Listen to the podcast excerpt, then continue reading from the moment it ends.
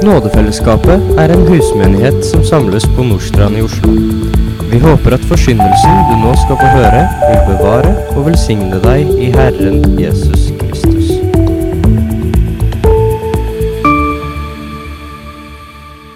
Vi legger dette i Herrens hender først. Kjære far, vi takker deg for ditt ord. Vi ber deg, Herre, om at det nå kunne få lov til å lyde klart og rent og rett, Herre, slik som ditt ord taler det. La det få lov til å bli åpenbart for oss ved din ånd i våre hjerter, og at du må tale gjennom dette nå til hver enkelt slik hver enkelt har behov for det. Det ber vi om i Jesu navn. Amen. Vi skal lese dagens tekst sånn som den står i Matteus 11, 7-15. Da disse var gått bort, altså Johannes sine disipler, begynte Jesus å tale til folket om Johannes. Hva gikk dere ut i ørkenen for å se? Et siv som vaier i vinden? Eller hva gikk dere ut for å se? En mann kledd i fine klær? Se, de som bærer fine klær, er i kongens hus. Men hva gikk dere da ut for å se? En profet? Ja, jeg sier dere, endog mer enn en profet. Det er om han det er skrevet, se, jeg sender min budbærer foran deg, han skal rydde din vei for meg. Sannelig sier jeg dere, noen større enn døperen Johannes er ikke reist opp blant dem som er født av kvinner. Men den minste i himlenes rike er større enn han. Men fra døperen Johannes' dager til nå trenger de seg inn i himmelens rike med makt. Og de som trenger seg inn, river det til seg. For alle profetene og loven like til Johannes profeterte. Og om dere vil ta imot det, han er den Elia som skal komme. Den som har ører, han høre. Vi så på Johannes døperne sine forventninger forrige søndag om hvordan de hadde begynt å skape tvil hos han. Han sendte altså noen disipler som spurte Jesus, og i dagens tekst så ser vi at dette spørsmålet som de kom fra Johannes, det ble ikke stilt privat. Det var ikke noe de liksom tok sånn stille på tomannshånd med Jesus. Nei, det skjedde offentlig. Og det var mye folk til stede og rundt Jesus. Og når Johannes sine disipler de var gått bort, så begynte Jesus da å tale til alle disse andre menneskene som sto der. Og Disse menneskene de hadde nå nettopp vært vitne til at eh, han som hadde kommet for å være Messias sitt sendebud, at han var blitt usikker. At han tvilte. At han som hadde vitnet om Jesus, og han hadde sagt at 'jeg er ikke engang verdig til å løsne liksom, skoremmene og ta av han sandalene en gang', at han nå hadde begynt å tvile. At han som hadde sagt 'han skal vokse, jeg skal avta', at han nå hadde sendt disipler for å spørre er du egentlig han som skal komme. Ja, at han som faktisk sa at eh, han burde blitt døpt av Jesus, men som etter Jesu dåp altså fikk høre en stemme fra himmelen, fra Gud, som sa 'Dette er min sønn', så lurer han likevel på er du egentlig Messias. Disse folket de, de ville tenke at om døperen Johannes nå var i tvil, så var det kanskje noe i det. Kan det hende at eh, Jesus ikke var Messias? Jesus han gjorde mirakler, så vi, som også disiplene til Johannes og folket fikk se, sånn at de skulle ha noe å gå tilbake igjen til Johannes og fortelle at de hadde sett og hørt. Men så begynner Jesus å bygge opp under både sin egen rolle og Johannes sin rolle og karakter, og så begynner han å snakke om Johannes. Hva gikk dere ut i ørkenen for å se? Et siv som svaier i vinden? Ja, Hva gikk dere ut for å se? Altså, Det impliserer jo veldig at mange av de som nå lytta til Jesus, de hadde først begynt å lytte til Johannes. Grunnen til at de nå var der og hørte på Jesus, var pga. Johannes. Og det er jo det Johannes var kommet for, så han hadde på mange måter fått gjort jobben sin, om du vil, på den måten. Men Johannes han hadde ikke gjort noe under. Han hadde ikke noen mektige gjerninger, i hvert fall som vi blir fortalt om. Så det må altså ha vært noe annet som gjorde at folket strømma ut i ørkenen. Noe annet enn at Johannes gjorde så fantastiske ting.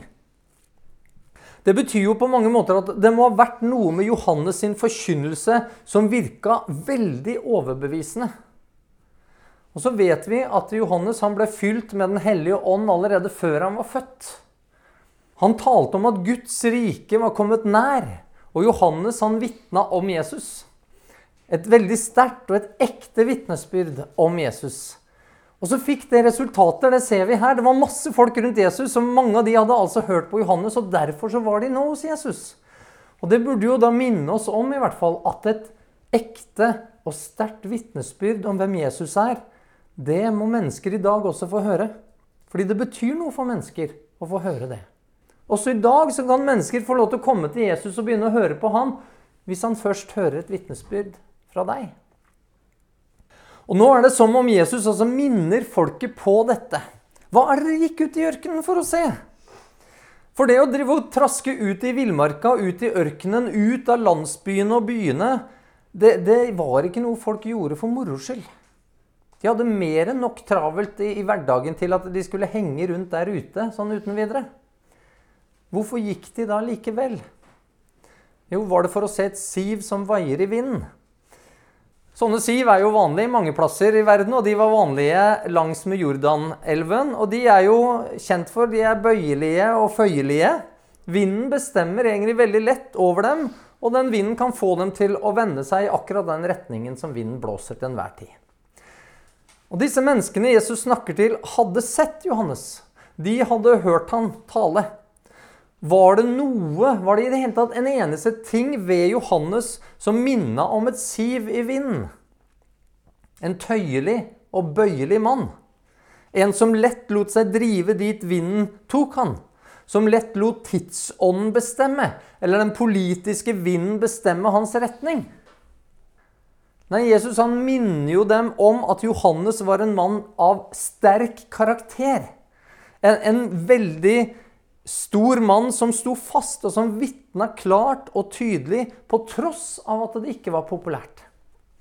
Han snakka både sivil og religiøs myndighet midt imot.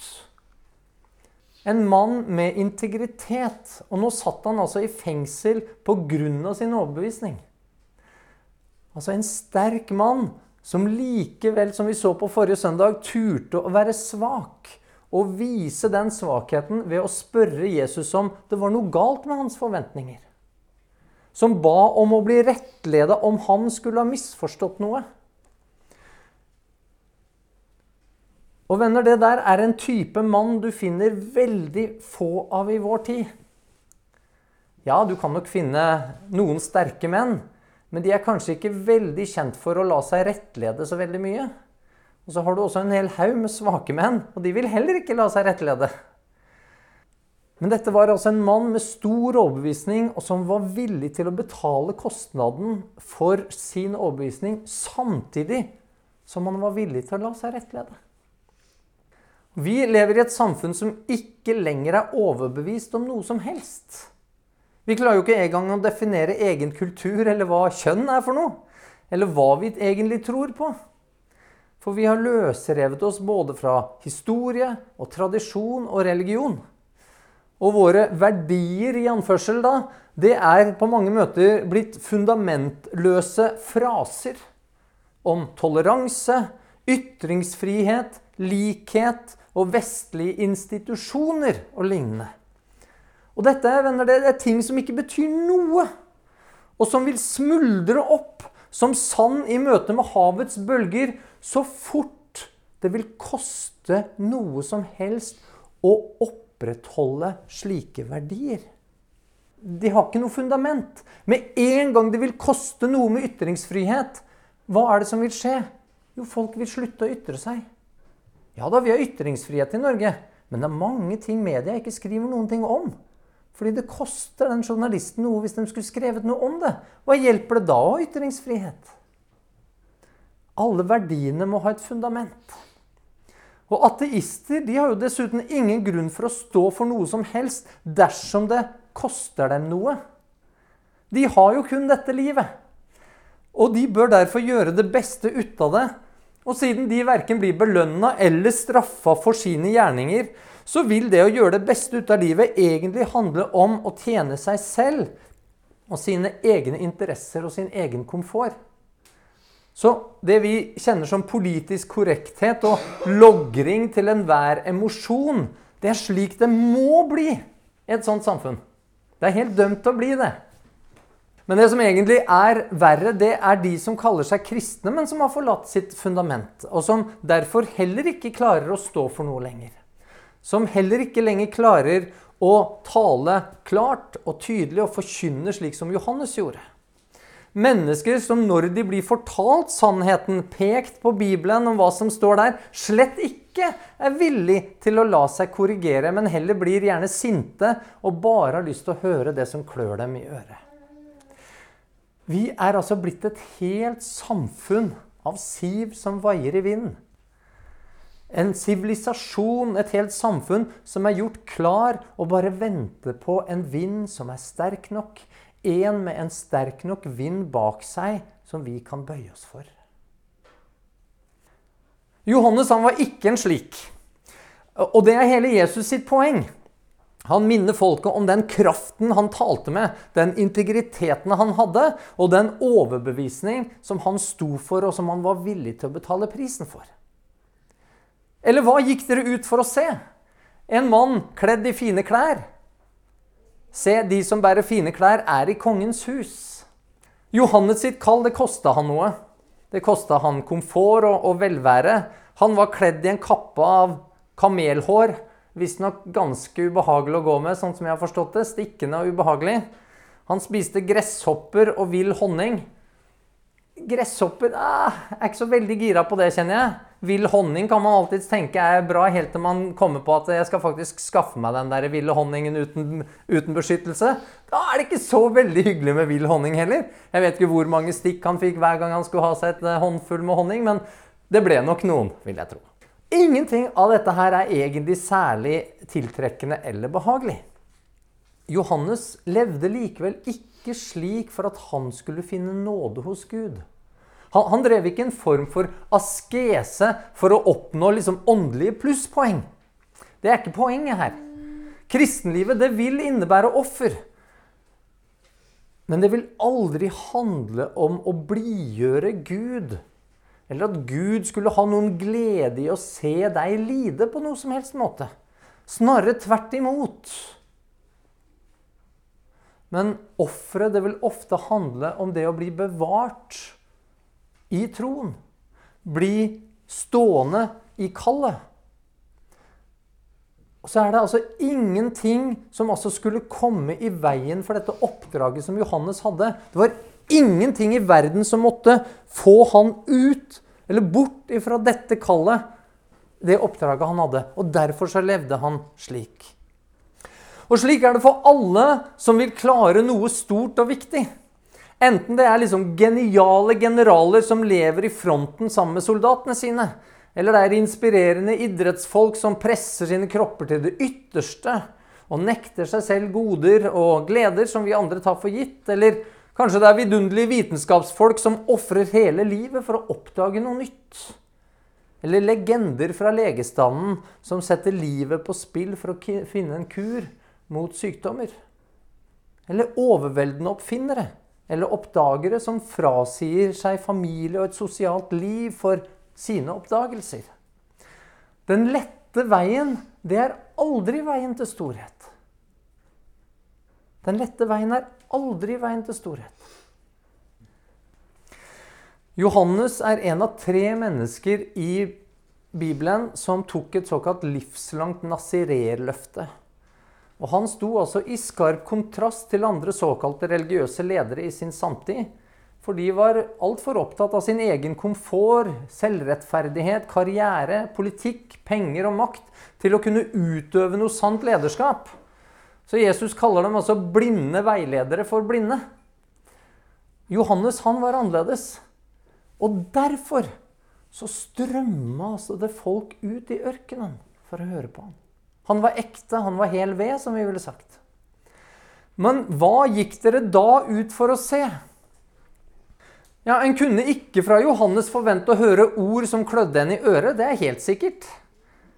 Ikke noe ord som bekrefta at du var god nok akkurat sånn som du er.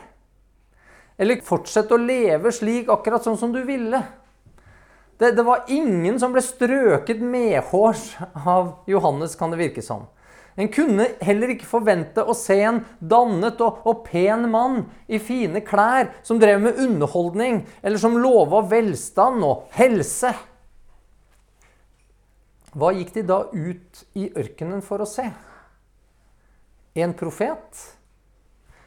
Ja, folket de så håp gjennom en som levde som han forkynte.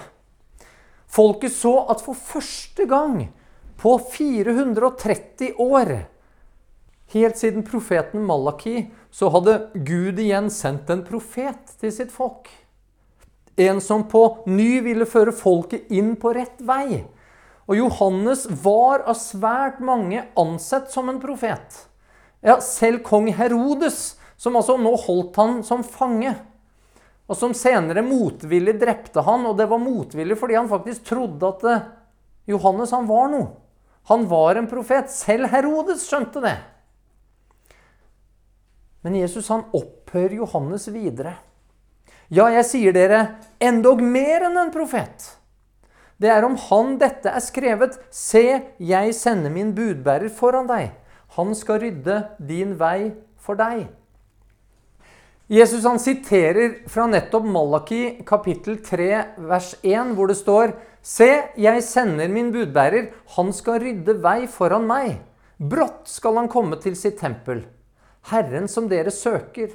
Paktens engel som dere inderlig lengter etter. Se, han kommer, sier Herren, herskarenes Gud. Johannes han var mer enn en profet, fordi han var også oppfyllelse av profeti. Ja, Johannes var Messias, eller kongens sendebud. Den som skulle rydde vei for han, og som til og med døpte han. Johannes både annonserte Messias sitt komme, og han tjente Messias med sine egne hender. Ingen annen profet hadde gjort det tidligere, og ingen kommer til å gjøre det senere. Det er kun Johannes som har gjort det. Så Jesus han bekrefter altså for denne store mengden med folk som hørte på ham, at de trengte ikke å tvile på Johannes. Det var ingen grunn til det. De trengte ikke å tvile på hans budskap, på tross av at de nettopp nå hadde hørt spørsmålet fra hans disipler. Johannes han var en profet. Han var oppfyllelse av profeti. Og Det som da er litt interessant å legge merke til, det er at det Jesus her sier, det er at til disse menneskene så sier han direkte 'Jeg er Messias'. For idet han bekrefter Johannes som profet og som oppfyllelse av Malaki, så sier han 'Jeg er Messias'. Og han sier det helt direkte. Og det er veldig interessant, fordi at eh, hva var det Johannes sine disipler nettopp hadde spurt han om? De hadde nettopp spurt 'Er du Messias, eller skal vi vente en annen?' Og Jesus svarte ikke på det spørsmålet direkte. Men til disse, etter at disiplene var gått, så sier han det rett ut. Jeg tror det har å gjøre med at eh, Jesus visste at troen til Johannes den var så stor. Han ønska at Johannes skulle trenge dypere inn i ordet, men disse Jesus så at disse tvilte. Og han måtte fortelle de det rett ut. Og På den måten så viser kan du si, Jesus omsorg også ovenfor disse menneskene. For han gir menneskene det de personlig trenger. For om mulig å kunne vokse i kjennskap og kunnskap til han. Og om du tviler innimellom, eller kanskje akkurat nå, så gjør som Johannes du også, så gå til Jesus med den tvilen. Og da kan det veldig raskt skje akkurat det samme som skjedde her. Nemlig at Jesus plutselig får bruke deg også sånn at andre kan få styrka sin tro.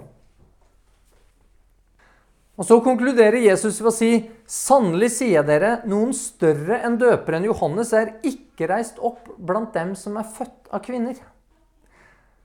Akkurat dette her er interessant av flere grunner, syns jeg. Vi kan lese om mange mennesker i Bibelen som menneskelig sett kan synes mye viktigere og gjort mye større ting enn det Johannes gjorde. Det er bare å tenke på Moses, Elia, Josef eller David. Og Likevel så peker Jesus på at Johannes er den største født av kvinner. I menneskelig kvalitet så fantes det altså ingen som er større enn han. Og Det betyr jo også at Jesus han setter Johannes høyere enn Maria, f.eks. Sin mor. Og en og annen katolikk burde kanskje tenke litt over akkurat det, og hva det burde innebære for utøvelsen av troen. Johannes sitt privilegium av å være Messias, sin personlige veirydder, gjør han til den største født blant kvinner. Men så legger Jesus veldig raskt til men den minste i himlenes rike er større enn han. Den rolle og det kall en har hatt menneskelig sett, kan gi evig lønn. Det har vi snakka om ganske nylig. Men det Johannes talte og forkynte om, det er mye viktigere. Den åndelige virkeligheten, himlenes rike, hans genuine rolle i historien, altså i den menneskelige historien, det ga han ikke noen større åndelig arv. Fordi den er lik for alle troende. Og så sier Jesus at selv den minste i dette riket, i denne åndelige dimensjonen Ja, vi så på og leste om de som altså taper all sin lønn de som får alt sitt verk brent opp, men som likevel blir frelst. Ja, de som altså er den minste i himlenes rike, som ikke har gjort noen ting, som blir stående inn i evigheten. Selv de er større enn Johannes. Det, venner, det er ganske radikalt når du begynner å tenke på det. Jesus her understreker så sterkt dette her ved å si 'sannelig sier jeg dere'. Og det er jo dette uttrykket hvor vi får vårt amen ifra. Og så tenker du kanskje at din tjeneste den er, så, den er så liten. Den er så ubetydelig. Du er så uviktig i liksom den store sammenhengen. Men det Jesus vitner for oss her og viser oss, det vitner om at det finnes en helt annen skala å strekke seg etter. Det er en åndelig arv som er slik at den som får den, er større enn de aller største som er født av kvinner. Og da forstår man jo åpenbart at denne arven er viktig å skaffe seg. Og det forsto også folket på Jesus sin tid. Og derfor så sier Jesus fra døperen Johannes' dager og til nå trenger de seg inn i himlenes rike med makt. Og de som trenger seg inn, river det til seg. Johannes var altså den første profet på over 400 år. Han var en kort, kort periode fokuspunktet i hele frelseshistorien. Og folket de hadde store forventninger på denne tiden generelt. Og Det skyldtes Messiasløftene som profetene hadde, og spesielt fra Daniels bok. Og så kommer Johannes, og så utløser han denne voldsomme lengselen og denne veldige forventningen. Og Samtidig så kom Johannes med et budskap som skapte konflikt. Som skapte fiendskap og kunne utløse vold. Som utløste verbale angrep fra fariseerne og sadukeerne, som endte i fysisk vold fra Herodes. Ja, til nå, sier Jesus. Og Jesus han har nettopp stått og undervist sine disipler om at han ikke kom med fred men med sverd. Jesus han skapte konflikt i samfunn og i hjem, i sivilt og religiøst lederskap. Det førte til verbale angrep og fysisk vold. Ja, til fysisk død for Jesus selv og for mange av hans etterfølgere etterpå. Men himmelens rike var så viktig å bli en del av at det blir brukt grafiske bilder for å få fram hvordan folk kjemper seg inn i det. Det er som en by som blir beleira og murene forsøkt inntatt. Og Dette bildet det kan nok handle om flere ting, men jeg vil peke spesielt på to. Det ene er at mange religiøse hadde bygd opp murer rundt frelsen, som hindret mennesker fra å gripe den, fra å få den. Et sett med menneskelige regler og tradisjoner som egentlig ingen makta å etterleve. Og budskapet både til Johannes og Jesus det var akkurat som det slo sprekker i disse murene. Og nå kjempa mennesker for å trenge seg gjennom denne åpningen som var skapt, og gripe det som lå på innsida. Og Den andre grunnen den henger sammen med den første. For bildebruken synes å ville peke på at de som nå vil inn i dette riket, det er mennesker som egentlig er fremmede for det. Mennesker som ikke passer inn der. Som egentlig ikke hører hjemme i Guds rike. Mennesker som han aldri trodde kunne få mulighet til å komme dit. Johannes han kalte de åndelige lederne ormeyngel. Og så sa han at dere trenger å omvende dere. Han talte mindre strengt til andre folk som var villige til å omvende seg. Mennesker som en ikke trodde kunne ha noe med himlenes rike å gjøre. Og gjennom det så er det akkurat som at Johannes han begynner å åpne opp noe her for fremmede. For de som ikke hørte til. For de som var utlendinger fra dette riket.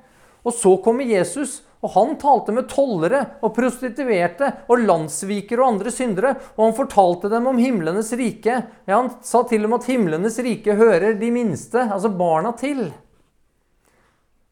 Og Disse menneskene som var blitt holdt utenfor både av kunstige menneskelige murer, men også av reelle murer etter syndefallet. Nå så de plutselig sin anledning. At dette kan bli vårt. Og selvsagt så heiv de seg over denne muligheten og kjempa seg inn og ville ta dette med makt.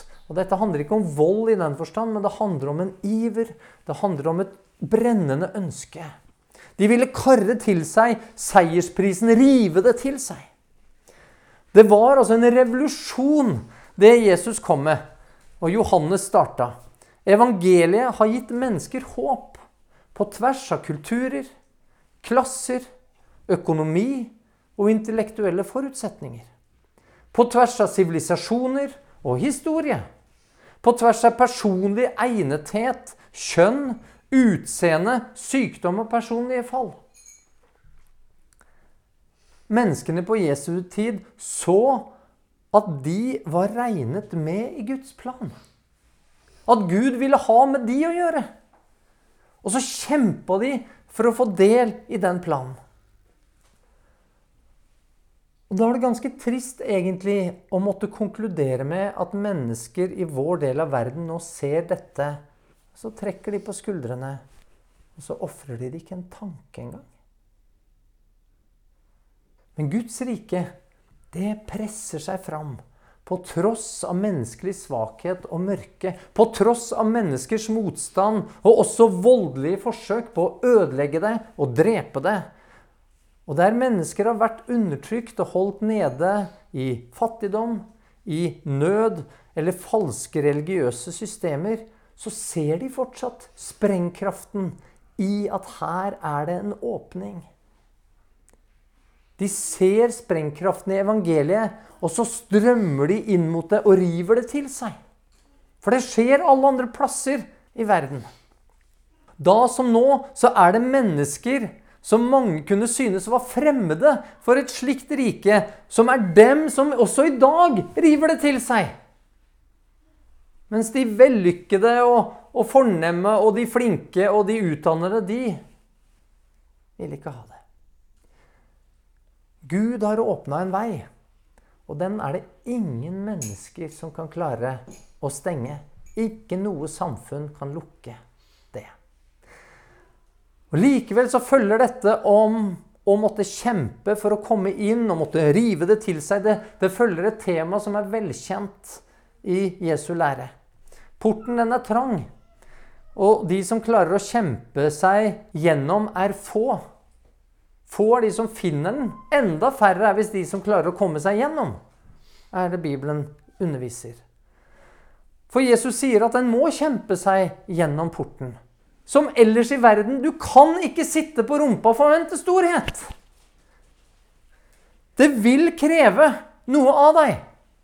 Enten du skal bli en god general eller vitenskapsmann eller lege eller hva det nå enn er. Og også det å bli den større enn den største, født av en kvinne. Skulle det liksom være uten noe som helst offer? Nei, slik er det ikke. Det er en kamp fordi en må dø fra seg selv. En må ta opp sitt kors og leve et liv som er motstrøms til den mengden av mennesker som beveger seg i motsatte retningen på den brede vei. Og siv som vaier i vinden, som ikke makter å stå imot selv en svak bris, de vil aldri kunne ferdes på den smale vei. For de vil straks vende om og gå på den brede. Men Johannes han var ikke en slik. Han levde i full overbevisning, og selv om hans karriere var svært kort Det er kanskje å ta i når noen sier at det, det var 18 måneder, kanskje. Det er kort, det. Og så har du via hele livet ditt til noe så kort.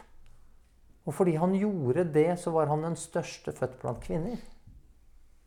Og så går du og lurer på hva er mitt kall? Hva skal jeg gjøre? Jo, kanskje Gud har tolv måneder han har tenkt å bruke deg spesielt.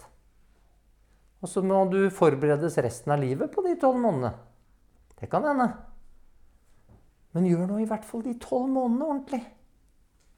Forbered deg skikkelig. Så kan altså Johannes sin karriere, om du vil, synes lite viktig sett med menneskelige øyne. Men likevel så fikk han altså utrette akkurat det engelen fortalte hans far Zakaria om på forhånd. Vi leser fra Lukas 1, vers 14-17. Han skal bli deg til glede og fryd, og mange skal glede seg over hans fødsel. For han skal være stor for Herren.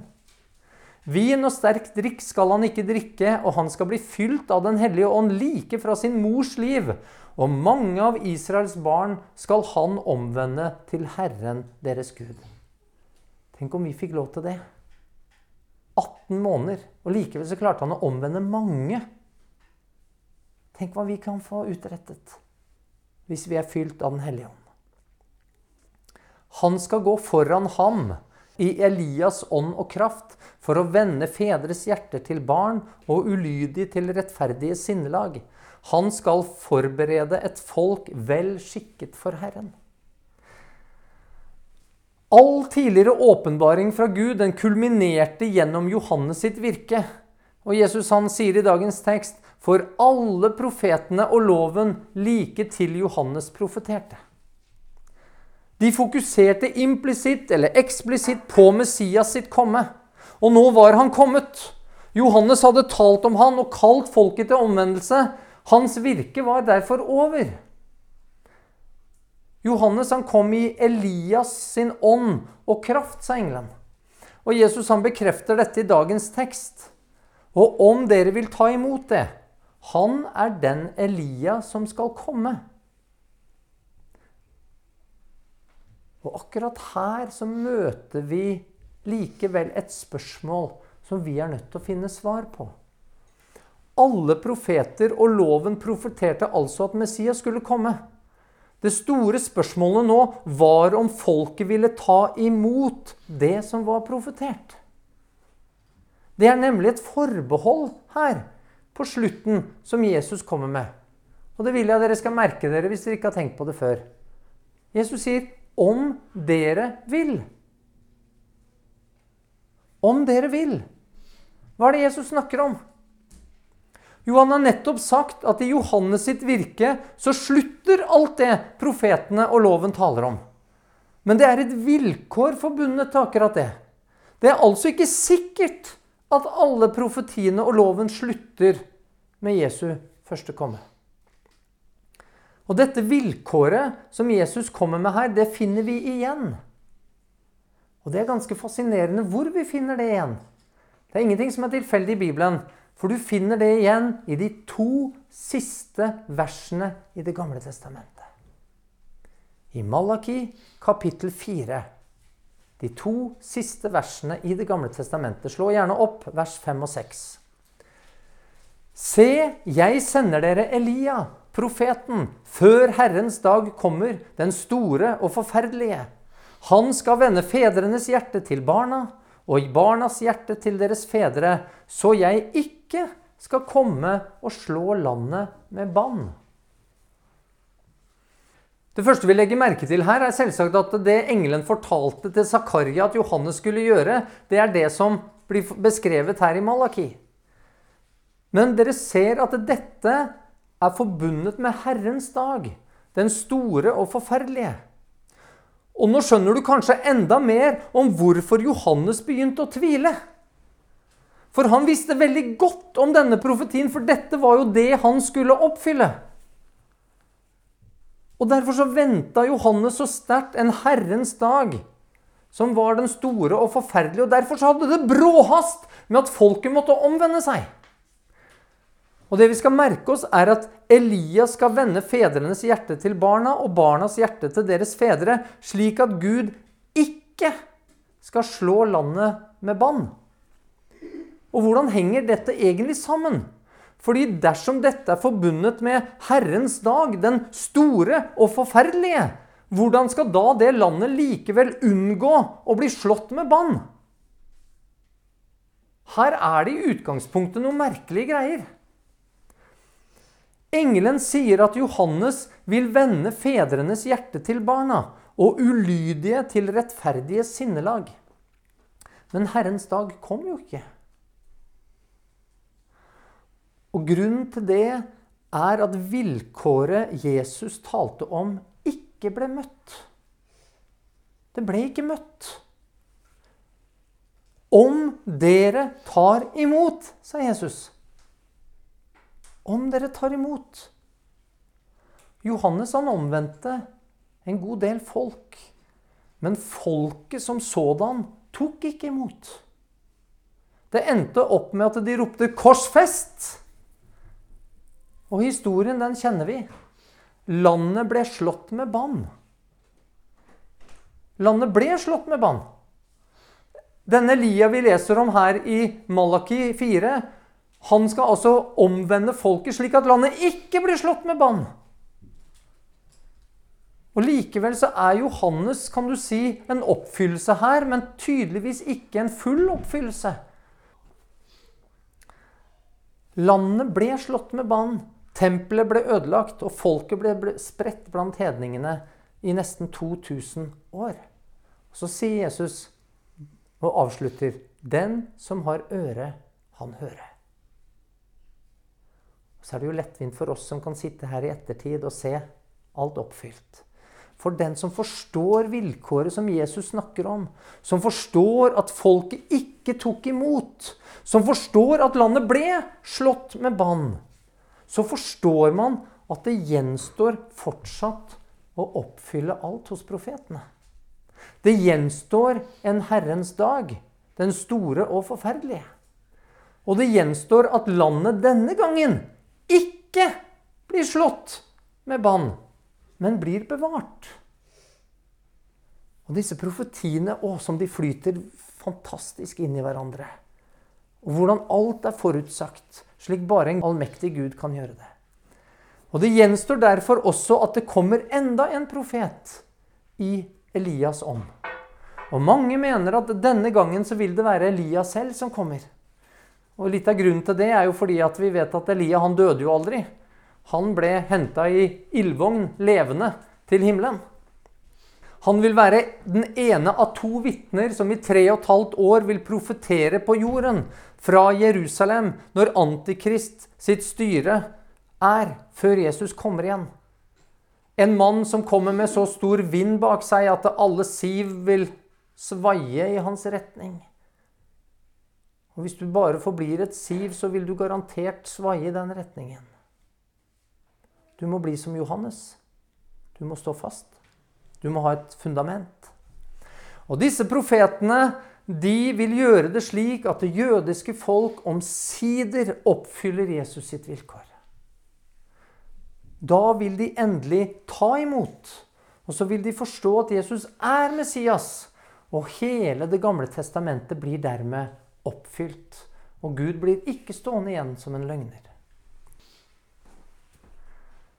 Og når da Herrens dag kommer, så er det altså Jesus selv som redder landet fra ødeleggelse.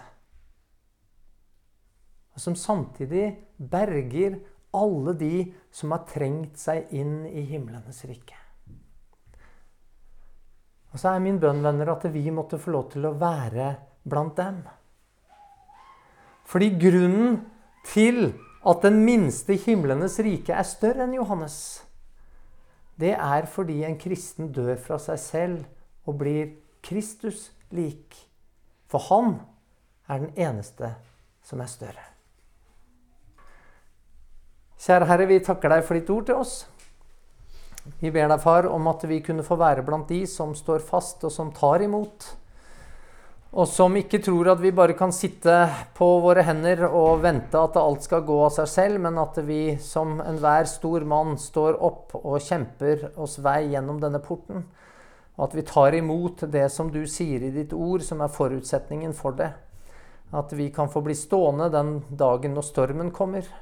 At ikke vi er siv som vaier i vinden, men at vi står faste i troen på deg, Jesus, og blir mer og mer omforma til ditt bilde. Det ber vi om i Jesu navn. Amen.